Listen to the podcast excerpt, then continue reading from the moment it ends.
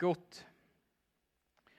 För eh, två veckor sedan så eh, talade vi om vad Gud gör ute i världen och vad vi kan lära oss av det.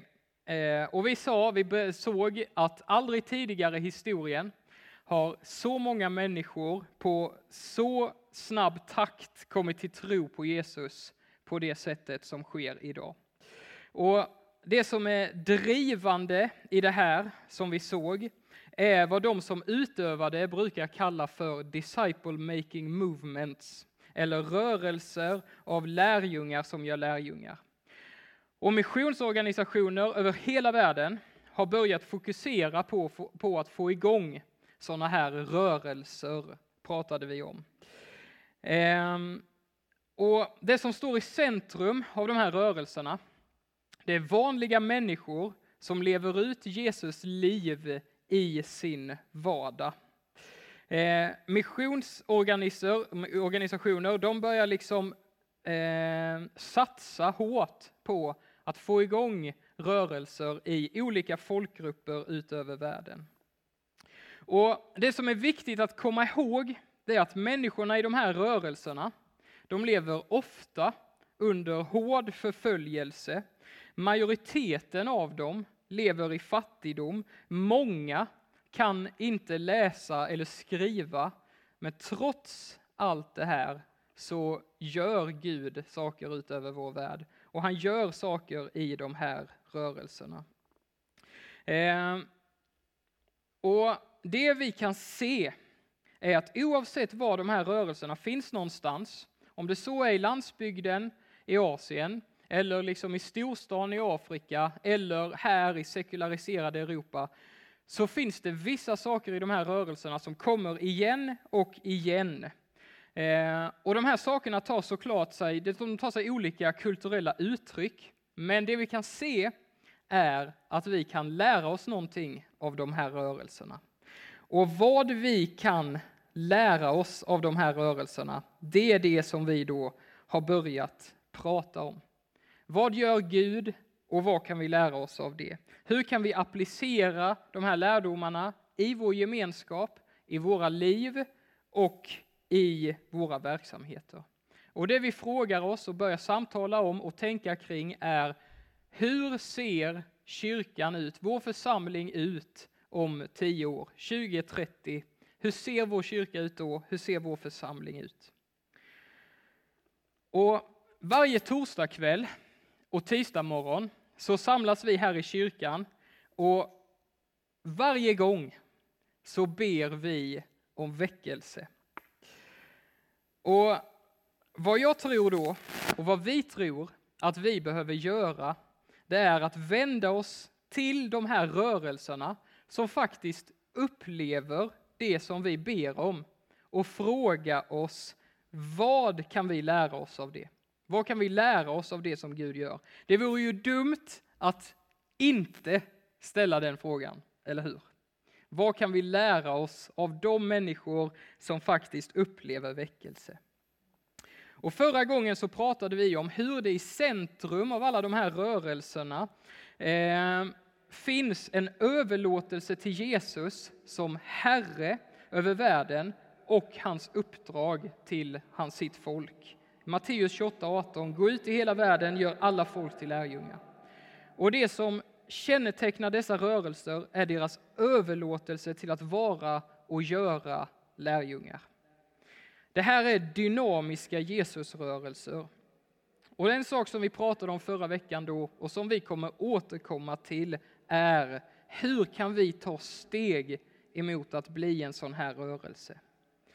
Och några av de här sakerna är konkreta grejer som vi bara liksom behöver börja göra. Och det kommer vi också börja tala om framöver. Men idag så ska vi tala om ett tankeskifte som vi tror att vi behöver göra. Hur vi ser på oss själva som kristna och hur vad vi tänker om oss själva som kyrka och som gemenskap och vad vårt uppdrag är här.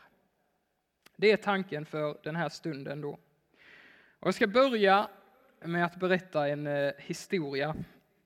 Efter gymnasiet så gick jag ett år på bibelskola Och eh, under det här året så fick vi möjlighet att i slutet göra fem veckors praktik var vi ville, liksom. i en församling eller i ett kristet arbete någonstans.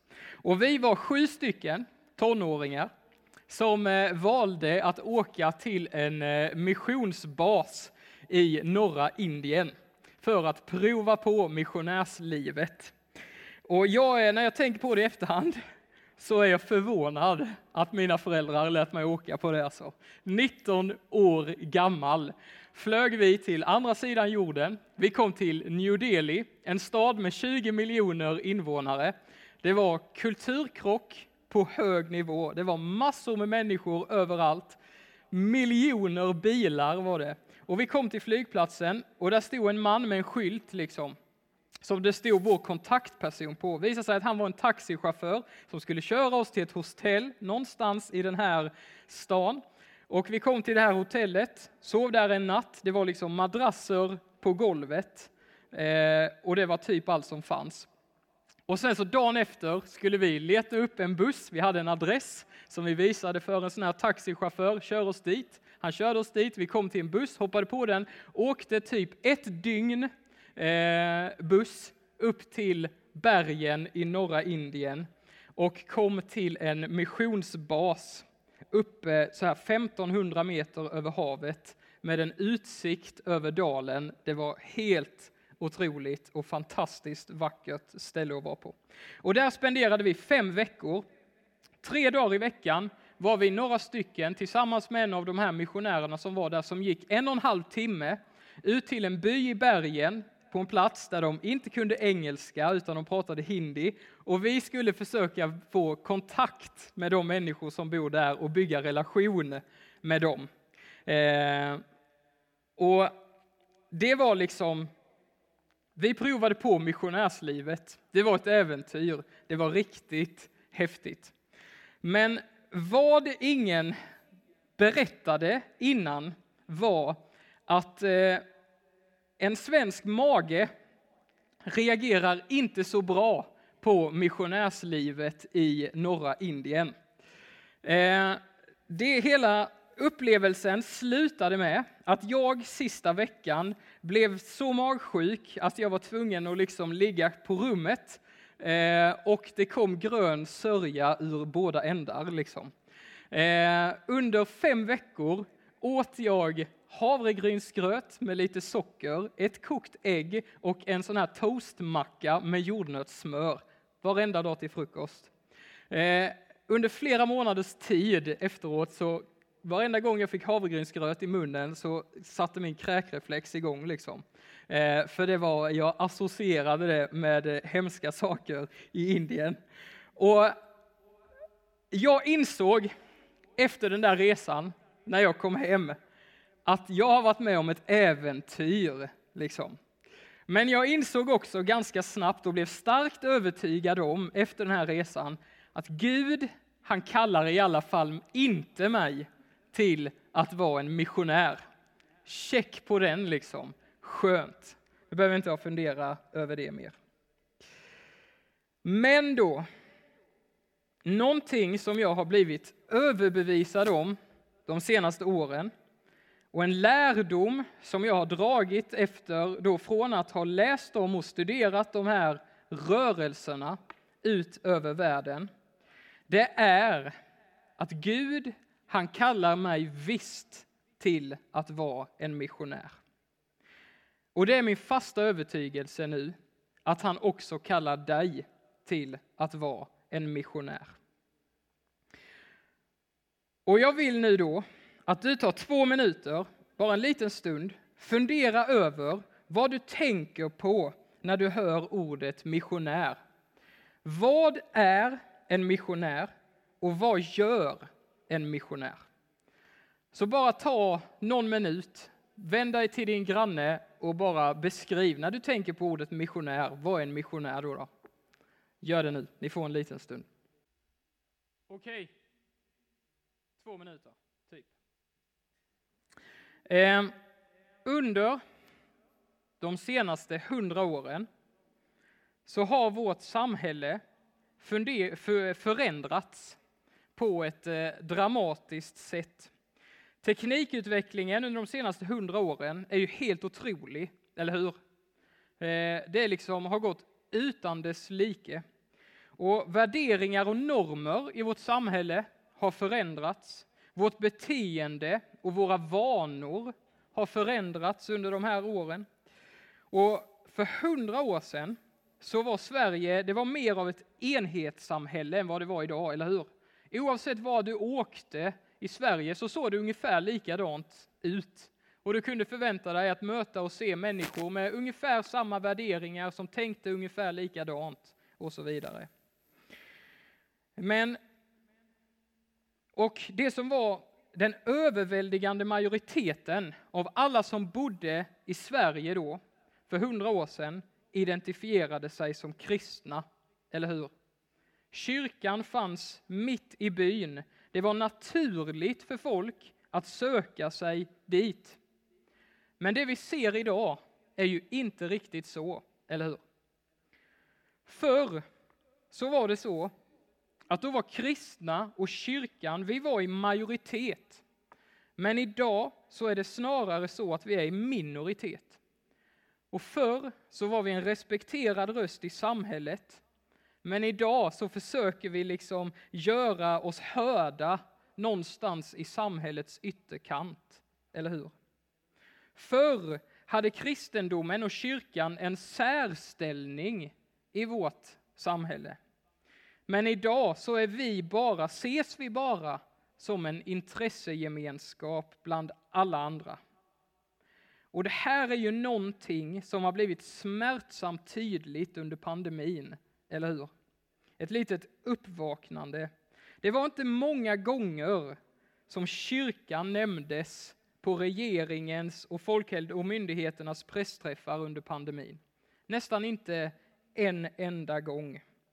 Trots att många, att, att liksom kyrkan i Sverige är en av de största, alltså den organisation som engagerar flest människor.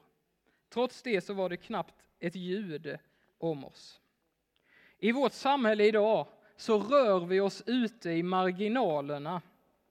Och vi kan önska oss tillbaka till tiden då kyrkan och kristendomen hade en särställning, eller hur?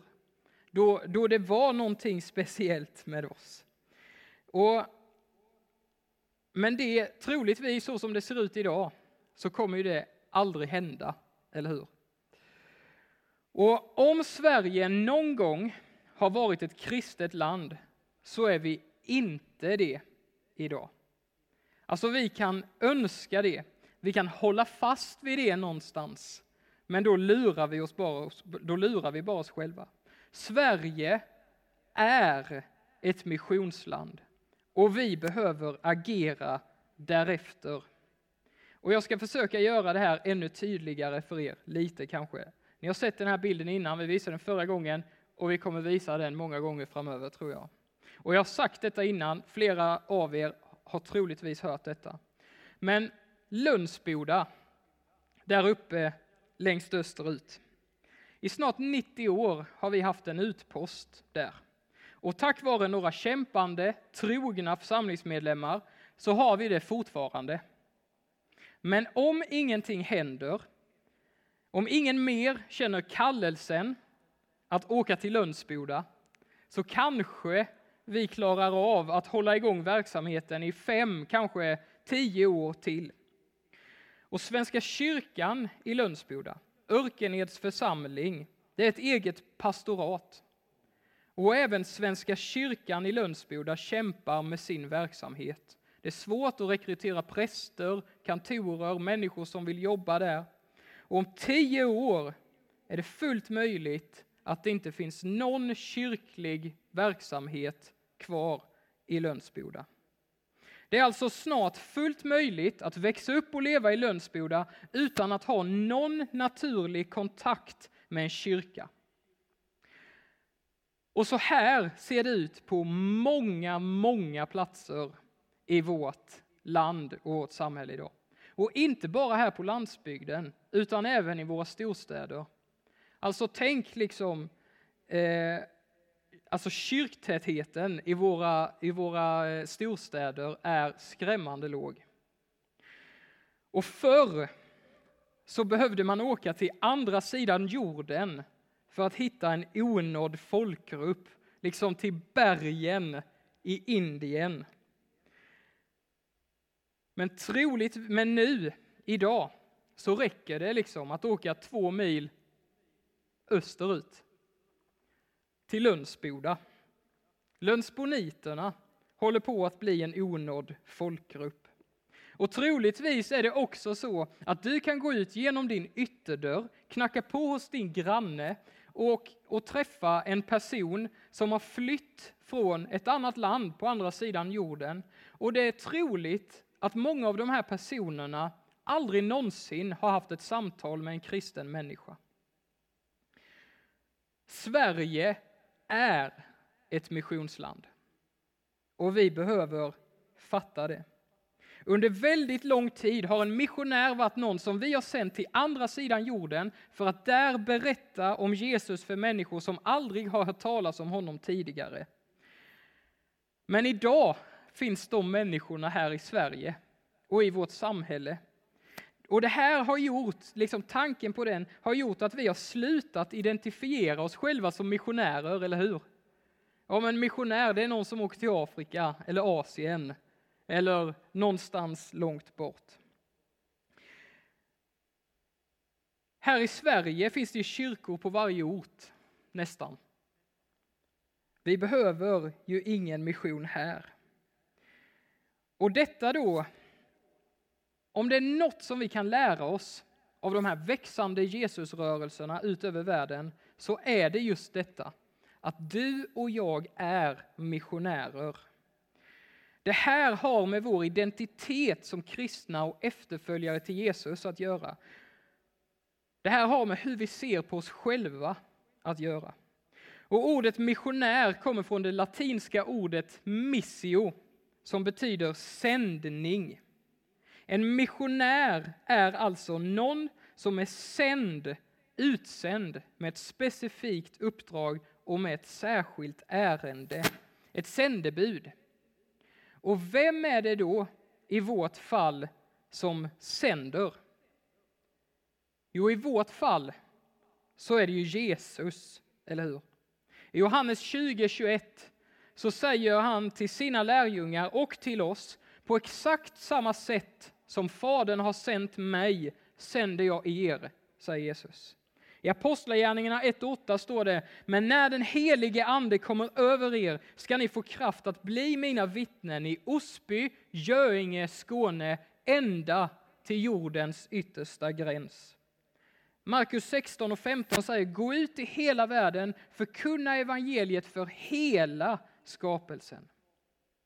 Och poängen är att du och jag, vi är sända av Jesus till den här världen till din gata, till din trappuppgång, till din arbetsplats, till vårt samhälle för att där vara en missionär och ett sändebud för hans rike, för Guds rike.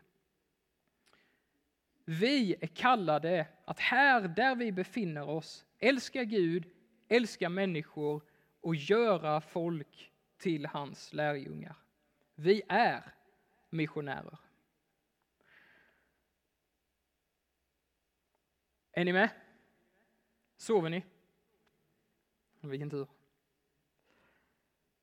Så vad kan vi då lära oss av de här växande rörelserna här i världen? Finns det någonting för oss att hämta när vi funderar över detta? Och jag ska visa en bild här som kan göra detta tydligt. Eh, Sverige idag är ett mångkulturellt samhälle. Inte bara på det sättet att det bor många människor från olika delar av världen här, utan också med den anledningen att det finns en mängd subkulturer i vårt samhälle. Och ofta är det så att en person som bor i Sverige idag identifierar sig alltså med ett nätverk av människor mer än någonting annat. Det kan vara en familj eller en förening eller en folkgrupp liksom, eh, eller en, en gemenskap. Och man kan visa det på detta sättet, att vårt samhälle idag består av en mängd sådana här silos av människor. Och varje sån här silo är ett nätverk av människor i vårt samhälle. En silo kan bestå av bara några få individer eller upp till flera tusen människor. Det kan vara en familj, ett nätverk av vänner, en förening. I utlandsmissionen så brukar man tala om folkgrupper som olika sådana här silos. 2015 kom det en stor grupp flyktingar från Syrien hit. De ofta ser sig själva, ju, identifierar ju sig, med, sig som en sån grupp och som en, de är en sån här silo. Fotbollsföreningen, simsällskapet, din arbetsplats, en sån här silo. Ni hänger med, eller hur? Ett nätverk av en mängd olika människor och summan av dessa är ju vårt samhälle som vi lever i. Och vi ska bara göra en eh, liten reflektionsövning här nu då, kort. Bara kolla dig omkring på oss, vi som sitter här nu. Och bara fundera två sekunder över vad, vad, du, eh, vad du tänker. När du, när du, vad, vad, vad tänker du när du ser oss som, som är här? Liksom? Om vi ska vara så... Vi alla ser ju ganska mycket likadana ut, eller hur? De flesta av oss har eh, lite samma intresse. Vi har ganska lätt att prata med varandra. Eh, vi känner varandra. Flera av oss här inne och i vår gemenskap är släkt med varandra. Eh, och vad vi behöver förstå är att vi är en sån här silo. Kyrkan är en subkultur i vårt samhälle. En gemenskap bland många andra. Och det här är viktigt att förstå. Och det ligger liksom ingen värdering i detta. Det är varken bra eller dåligt. Det är bara fakta liksom. Vi är en silo i vårt samhälle. Vi är en subkultur. Men det som är intressant är hur vi har bedrivit mission och evangelisation under väldigt lång, lång tid. Under flera hundra år har vi format och gjort kyrka på ungefär samma sätt. Under lång tid har vi försökt få människor i de här andra silorna att komma till och bli en del av vår silo. Eller hur? Vårt nätverk. Och det här avspeglar sig i allt vi gör. Bara hur vi använder språket. Vi säger ”jag går till kyrkan” eller ”vill du följa med till kyrkan”? Vad säger det? Jo, jag lämnar min ena silo för att gå till min kyrksilo. Och när vi evangeliserar så försöker vi locka folk att komma hit till vår silo. Vi försöker göra så bra verksamheter som möjligt, så givande gudstjänster som möjligt och flashiga event liksom, så att folk vill komma hit. Det är så vi gör, om vi ska dra det långt. Och vi säger, eller kolla också på hur vi mäter framgång till exempel. Vi säger saker som att Åh, idag var vi 80 på gudstjänsten, 90 på gudstjänsten. Det var jättebra, eller hur? Så säger vi ju och ser det som det var en bra söndag. Och vi räknar antal personer som kommer till våra verksamheter och event. Och är det många, ja, men då är det framgångsrikt. Och kyrkans uppgift i det här sättet att liksom forma sig och tänka, det är att göra så bra gudstjänster som möjligt med så givande innehåll som möjligt. Så bra verksamheter som möjligt. Så bra event som möjligt så att så många som möjligt vill komma och vara en del av detta. Och målet är då att vi gör de här grejerna så bra så att de flesta av oss, av de som kommer, vill liksom stanna och vara en del av vår silo. så att vi får fler medlemmar i församlingen och på det sättet breder ut Guds rike här i Osby. Känner ni igen det? Kan ni se att det är så här vi, vi många, det är vårt naturliga sätt att fungera och operera och bedriva vår verksamhet. Ser ni det? Och nu så blir det lite generaliseringar här för att få fram en poäng. Men eh, så här har vi gjort under väldigt lång, lång tid. Har vi byggt kyrka här i väst och i Sverige. Och det vi börjar inse idag då, och vi börjar se idag, det är att problemet är att det här många gånger inte fungerar. Och ni kommer ihåg förra gången. En församling i veckan de senaste 20 åren har lagt ner sin verksamhet. Och vi här i Osby konstaterade för några år sedan att vi misslyckas med att göra lärjungar till Jesus på detta sättet många gånger. Och problemet idag som vi ser är att människor förstår inte varför kyrkan är relevant för dem. Det finns ju en mängd olika saker som drar människor idag. Massor av olika silos att bli en del av och folk kommer inte självmant till vår silo.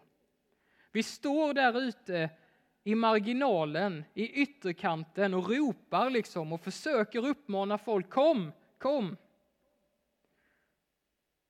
Men när man pratar med människor så är det ofta så att de ser bara kyrkan som en intresseklubb bland alla andra.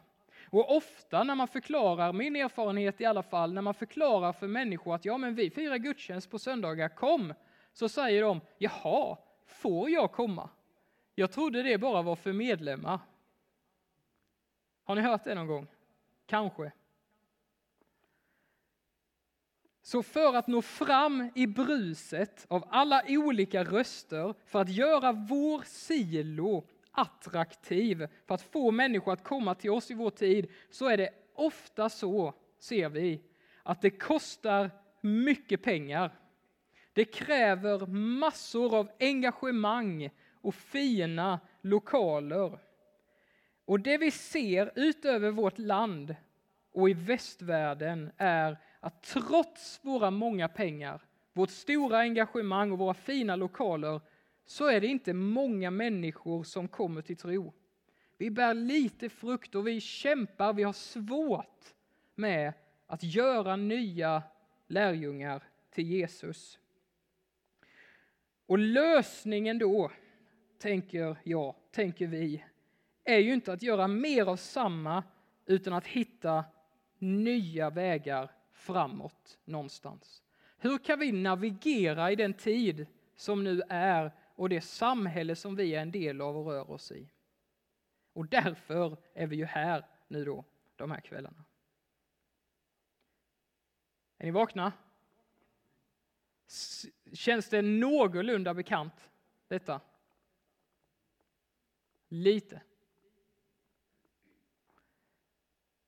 Och de här rörelser då, som vi berättade om förra gången, vad är det som gör dem så framgångsrika då? då? Vad är det de gör som kanske inte vi gör? Och gång på gång ser man då att det är några saker som kommer igen och igen i de här rörelser som beskrivs som en nyckel då till deras framgång. Och en av de sakerna är löjligt enkel men får väldigt stora konsekvenser. Och det som man kan se då gång på gång är att de har vänt på pilarna. Det är ganska enkelt. Det tog mig fem minuter, inte ens fem minuter att göra i Powerpoint och vända på pilarna. Istället för att säga kom till oss så säger de låt oss gå till dem. En av nycklarna till deras framgång ligger i att de ser sig som missionärer, sända till de här olika silosarna i sin omgivning för att där gestalta Jesus och vara hans sändebud till de människorna som finns där i de här olika nätverken. Det är löjligt enkelt, men det får stora konsekvenser för deras liv, deras vardag och hur de ser på kyrkan. Därför att i det här sättet att tänka så är kyrkan inte en byggnad man går till. Det är liksom inte summan av verksamheter, utan kyrkan är någonting vi är. Och det tänker ju vi också, eller hur? Du och jag är kyrkan. Jesus bor på din insida och där du är, där är kyrkan. Och det man ser är att när de här rörelserna samlas, för det gör de, liksom, de kommer till sin silo och samlas där. Men då är det ett fokus på att uppmuntra, utrusta och träna varandra i att vara missionärer till sitt sammanhang. Dessa rörelser ger sina medlemmar verktyg och redskap i att vara Jesus ambassadörer i de silos och de nätverk av människor som de redan är en del av. Och vi är ju inte bara en del av den här kyrksilon, eller hur? Vi finns ju i många olika nätverk och har kontakt med många olika människor. Och det här är ett annat sätt att tänka och organisera sig som kyrka. Det viktiga här blir inte hur många vi samlar, utan hur många vi sänder. Det viktigaste här är inte hur många vi underhåller i våra gudstjänster och verksamheter, utan hur många vi utrustar och sänder ut i, till vårt samhälle. Kyrkan är inte en grupp medlemmar med ett gemensamt intresse, utan en grupp missionärer med ett gemensamt uppdrag. Det är vad vi är. Vi är det. Och i det här sättet att tänka så är inte det viktigaste vad vi gör i kyrkan några timmar i veckan, utan det viktigaste fokuset är vad som händer i ditt och mitt liv, i vår vardag. Vad är det som händer och hur ser ditt liv ut på måndag morgon, tisdag förmiddag och eftermiddag och så vidare. Och vi vet ju detta, eller hur? Att det är så här. Vi vet att vi är missionärer. Att det viktiga är kanske inte vad vi gör här, utan vad vi gör där. Men under så lång tid har vi tänkt och pratat om och gjort kyrka på ett sådant sätt så att vi någonstans i det kanske har glömt bort att vi faktiskt är missionärer här i Sverige, du och jag, till vår vardag. Och det är liksom vårt första och största uppdrag. Och någonting att tänka på är att i majoriteten av de här rörelserna då, som vi sa innan, så finns det inga pengar. Det finns inga byggnader. Det är inte möjligt att ordna verksamheter på det sättet som vi gör det. Och ändå så växer dessa rörelser. Trots det så kommer många människor på tro, till tro i dessa rörelser. Men det som finns då i de här rörelserna, det är helt vanliga människor som du och jag, med en stark övertygelse om att de är sända av Jesus, att Jesus går med dem ut i världen och han sänder dem som missionärer till sin omgivning. De stöttar, uppmuntrar och utrustar varandra till att leva Jesuslivet i sin vardag. Där ligger liksom fokuset. Och när jag har börjat tänka på detta lite så är det här en väldigt befriande tanke. Gud, han behöver inte pengar för att människor ska komma till tro. Han äger ju redan allt, eller hur? Han behöver inga lokaler för att människor ska komma till tro. Han har skapat universum, han har plats liksom. Det enda han behöver, det är ett villigt hjärta från vanliga människor som du och jag. Och det här kommer igen och igen i Bibeln. Det Gud letar efter är inte perfekta människor, det är inte proffs. Det han behöver är inte liksom eh, allt det här som är prat, flashiga event och så vidare. Utan det han letar efter är människor som är villiga att ställa upp på och ge sin respons till Guds kallelse. Följ mig ut i världen. Låt oss gå tillsammans. Och gång på gång så möter vi människor i Bibeln som ger sin respons på Guds kallelse. Och det som ekar i historien och i dessa rörelser är, och som driver dessa rörelser framåt, det är människor som du och jag som säger Herre, här är jag, sänd mig. Sänd mig. Och jag är övertygad om att Gud han vill människors frälsning mycket mer än vad vi vill det. Han vill använda oss mycket mer än vad vi vill det många gånger. Och han har gett oss ett uppdrag. Gå ut och gör alla folk till lärjungar. Och det ligger liksom i en kristens DNA att gensvara på det här uppdraget, eller hur? Vi vill det naturligt. Ja, men jag vill detta. Jag kanske inte kan säga varför, men jag vill det. Jag kanske inte vet hur det ska hända, men jag vill det. Och vi kan tänka, inte kan väl jag detta?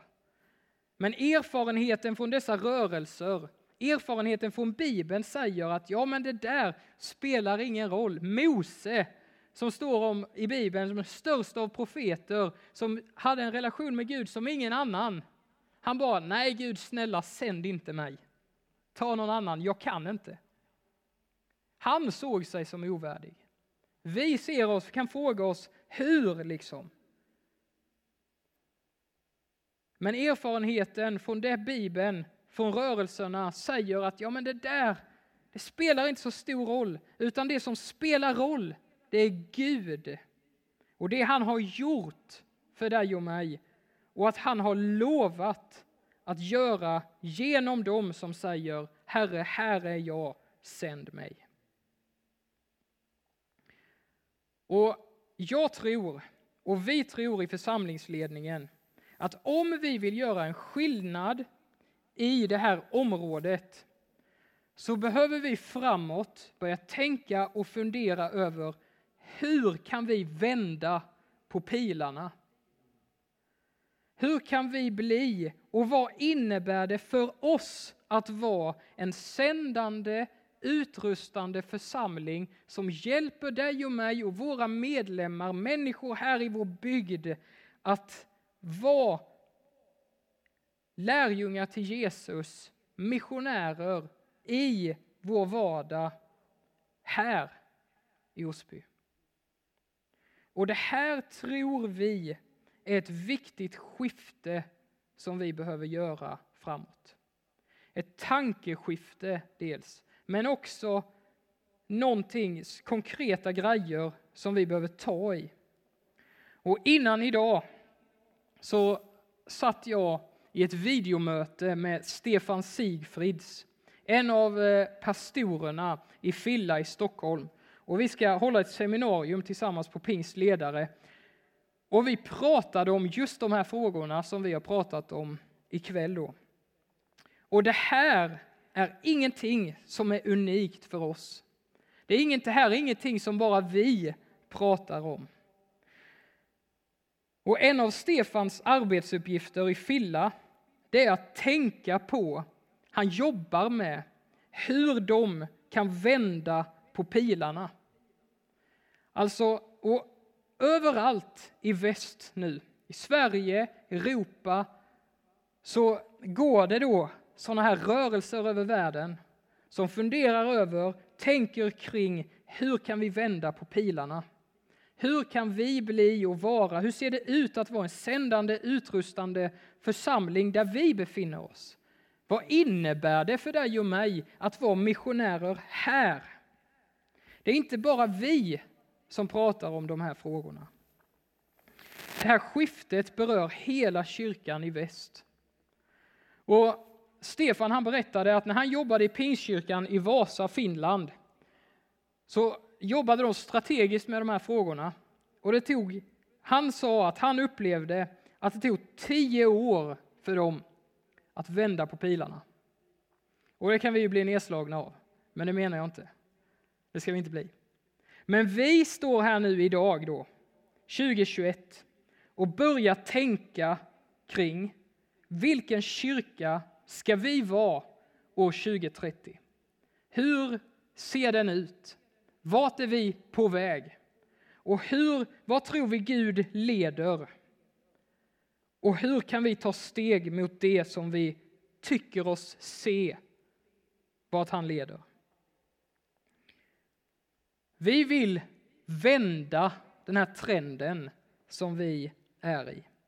Vi vill börja göra lärjungar till Jesus som gör nya lärjungar till Jesus. Vi vill vara med och påverka det här området, Osby, Osby kommun och de människor som bor här. Vi vill att de ska få uppleva Jesus, eller hur? Det längtar vi efter. Vi hoppas på det och vi tror att det är möjligt. Men om det ska ske så tror vi att vi behöver ta konkreta steg och göra förändringar. Vi behöver börja vrida på de här pilarna. Och det kommer troligt, eller det kommer innebära vissa saker för oss. Förändringar i vårt sätt att tänka, förändringar i vårt sätt att agera och göra. Troligtvis kommer vi behöva göra några saker som vi inte gjort innan. Troligtvis så behöver vi prova nya grepp. Och det kommer förmodligen ibland utmana dig och mig att tänka och handla annorlunda i vår vardag. I Vasa då tog det tio år. Det här är liksom ingenting som sker och händer över en natt, utan det är en process. Och när vi säger detta då, när vi pratar om de här sakerna, att vi behöver förändring, att vi behöver liksom vända på någonting och göra någonting annorlunda, så menar vi inte att det ska ske imorgon. Vi ska inte förändra kyrkan över en natt liksom. Men vi måste göra någonting. Vi behöver förändra någonting. Vi måste göra någonting annorlunda. Och det tror jag att vi alla är överens om. Och vad det är kommer, hoppas jag, hoppas vi, under den här perioden som ligger framför nu utkristallisera sig och visa sig. Och det här då är ett första skifte som vi tror att vi behöver göra. Att vända, börja vända på pilarna. Under väldigt lång tid har vi försökt uppmana människor, vårt, vårt huvudfokus har liksom varit kom till oss, kom till vår silo, bli en del av den. Men vi tror att vi behöver vända på pilarna och vårt största första fokus behöver vara låt oss gå till dem.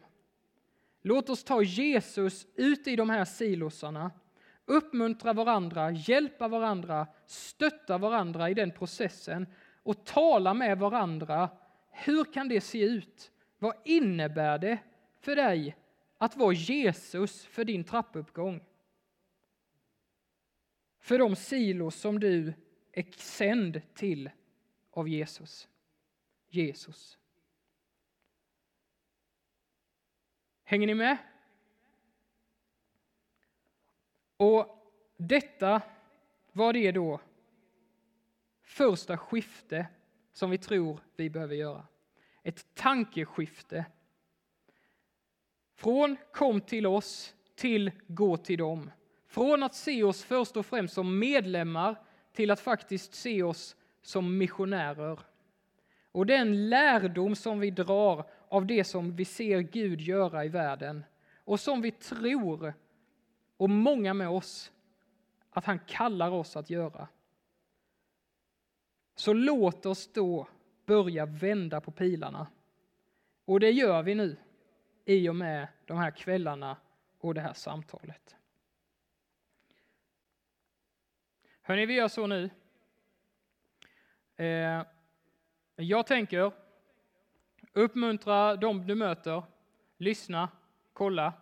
Tanken är att vi ska dra detta liksom och samtala om de här frågorna så att det faktiskt leder till någonting konkret att göra. Eh, och vi hoppas ju att vi någonstans har dragit igång en förändringsprocess i och med detta nu då, som kommer beröra vår församling, hur vi jobbar och hur vi ser på oss själva. Och målet är ju då att i februari, början på februari, 11-13 tror jag om jag inte säger fel, köra en konferens liksom.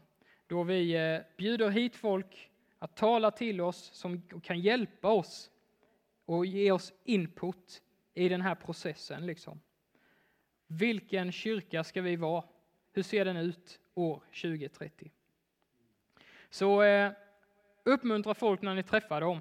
Har du kollat? Har du lyssnat? Eh, så, eh, så kör vi. Och också någonstans, om du tar med detta i hemgrupperna, eh, som du är en del av, eller eh, tar med det ut runt fikabordet när eh, du träffar folk som är med i vår gemenskap, våra bröder och vänner, systrar. Men hörni, vi kan väl göra så att vi står upp tillsammans och så ber vi. Vi kan väl vara några stycken som så ber vi för Osby. Vi ber för vår gemenskap. Vi ber att Gud han leder oss, hjälper oss och talar till oss. Vi kan väl vara några stycken som leder i bön bara.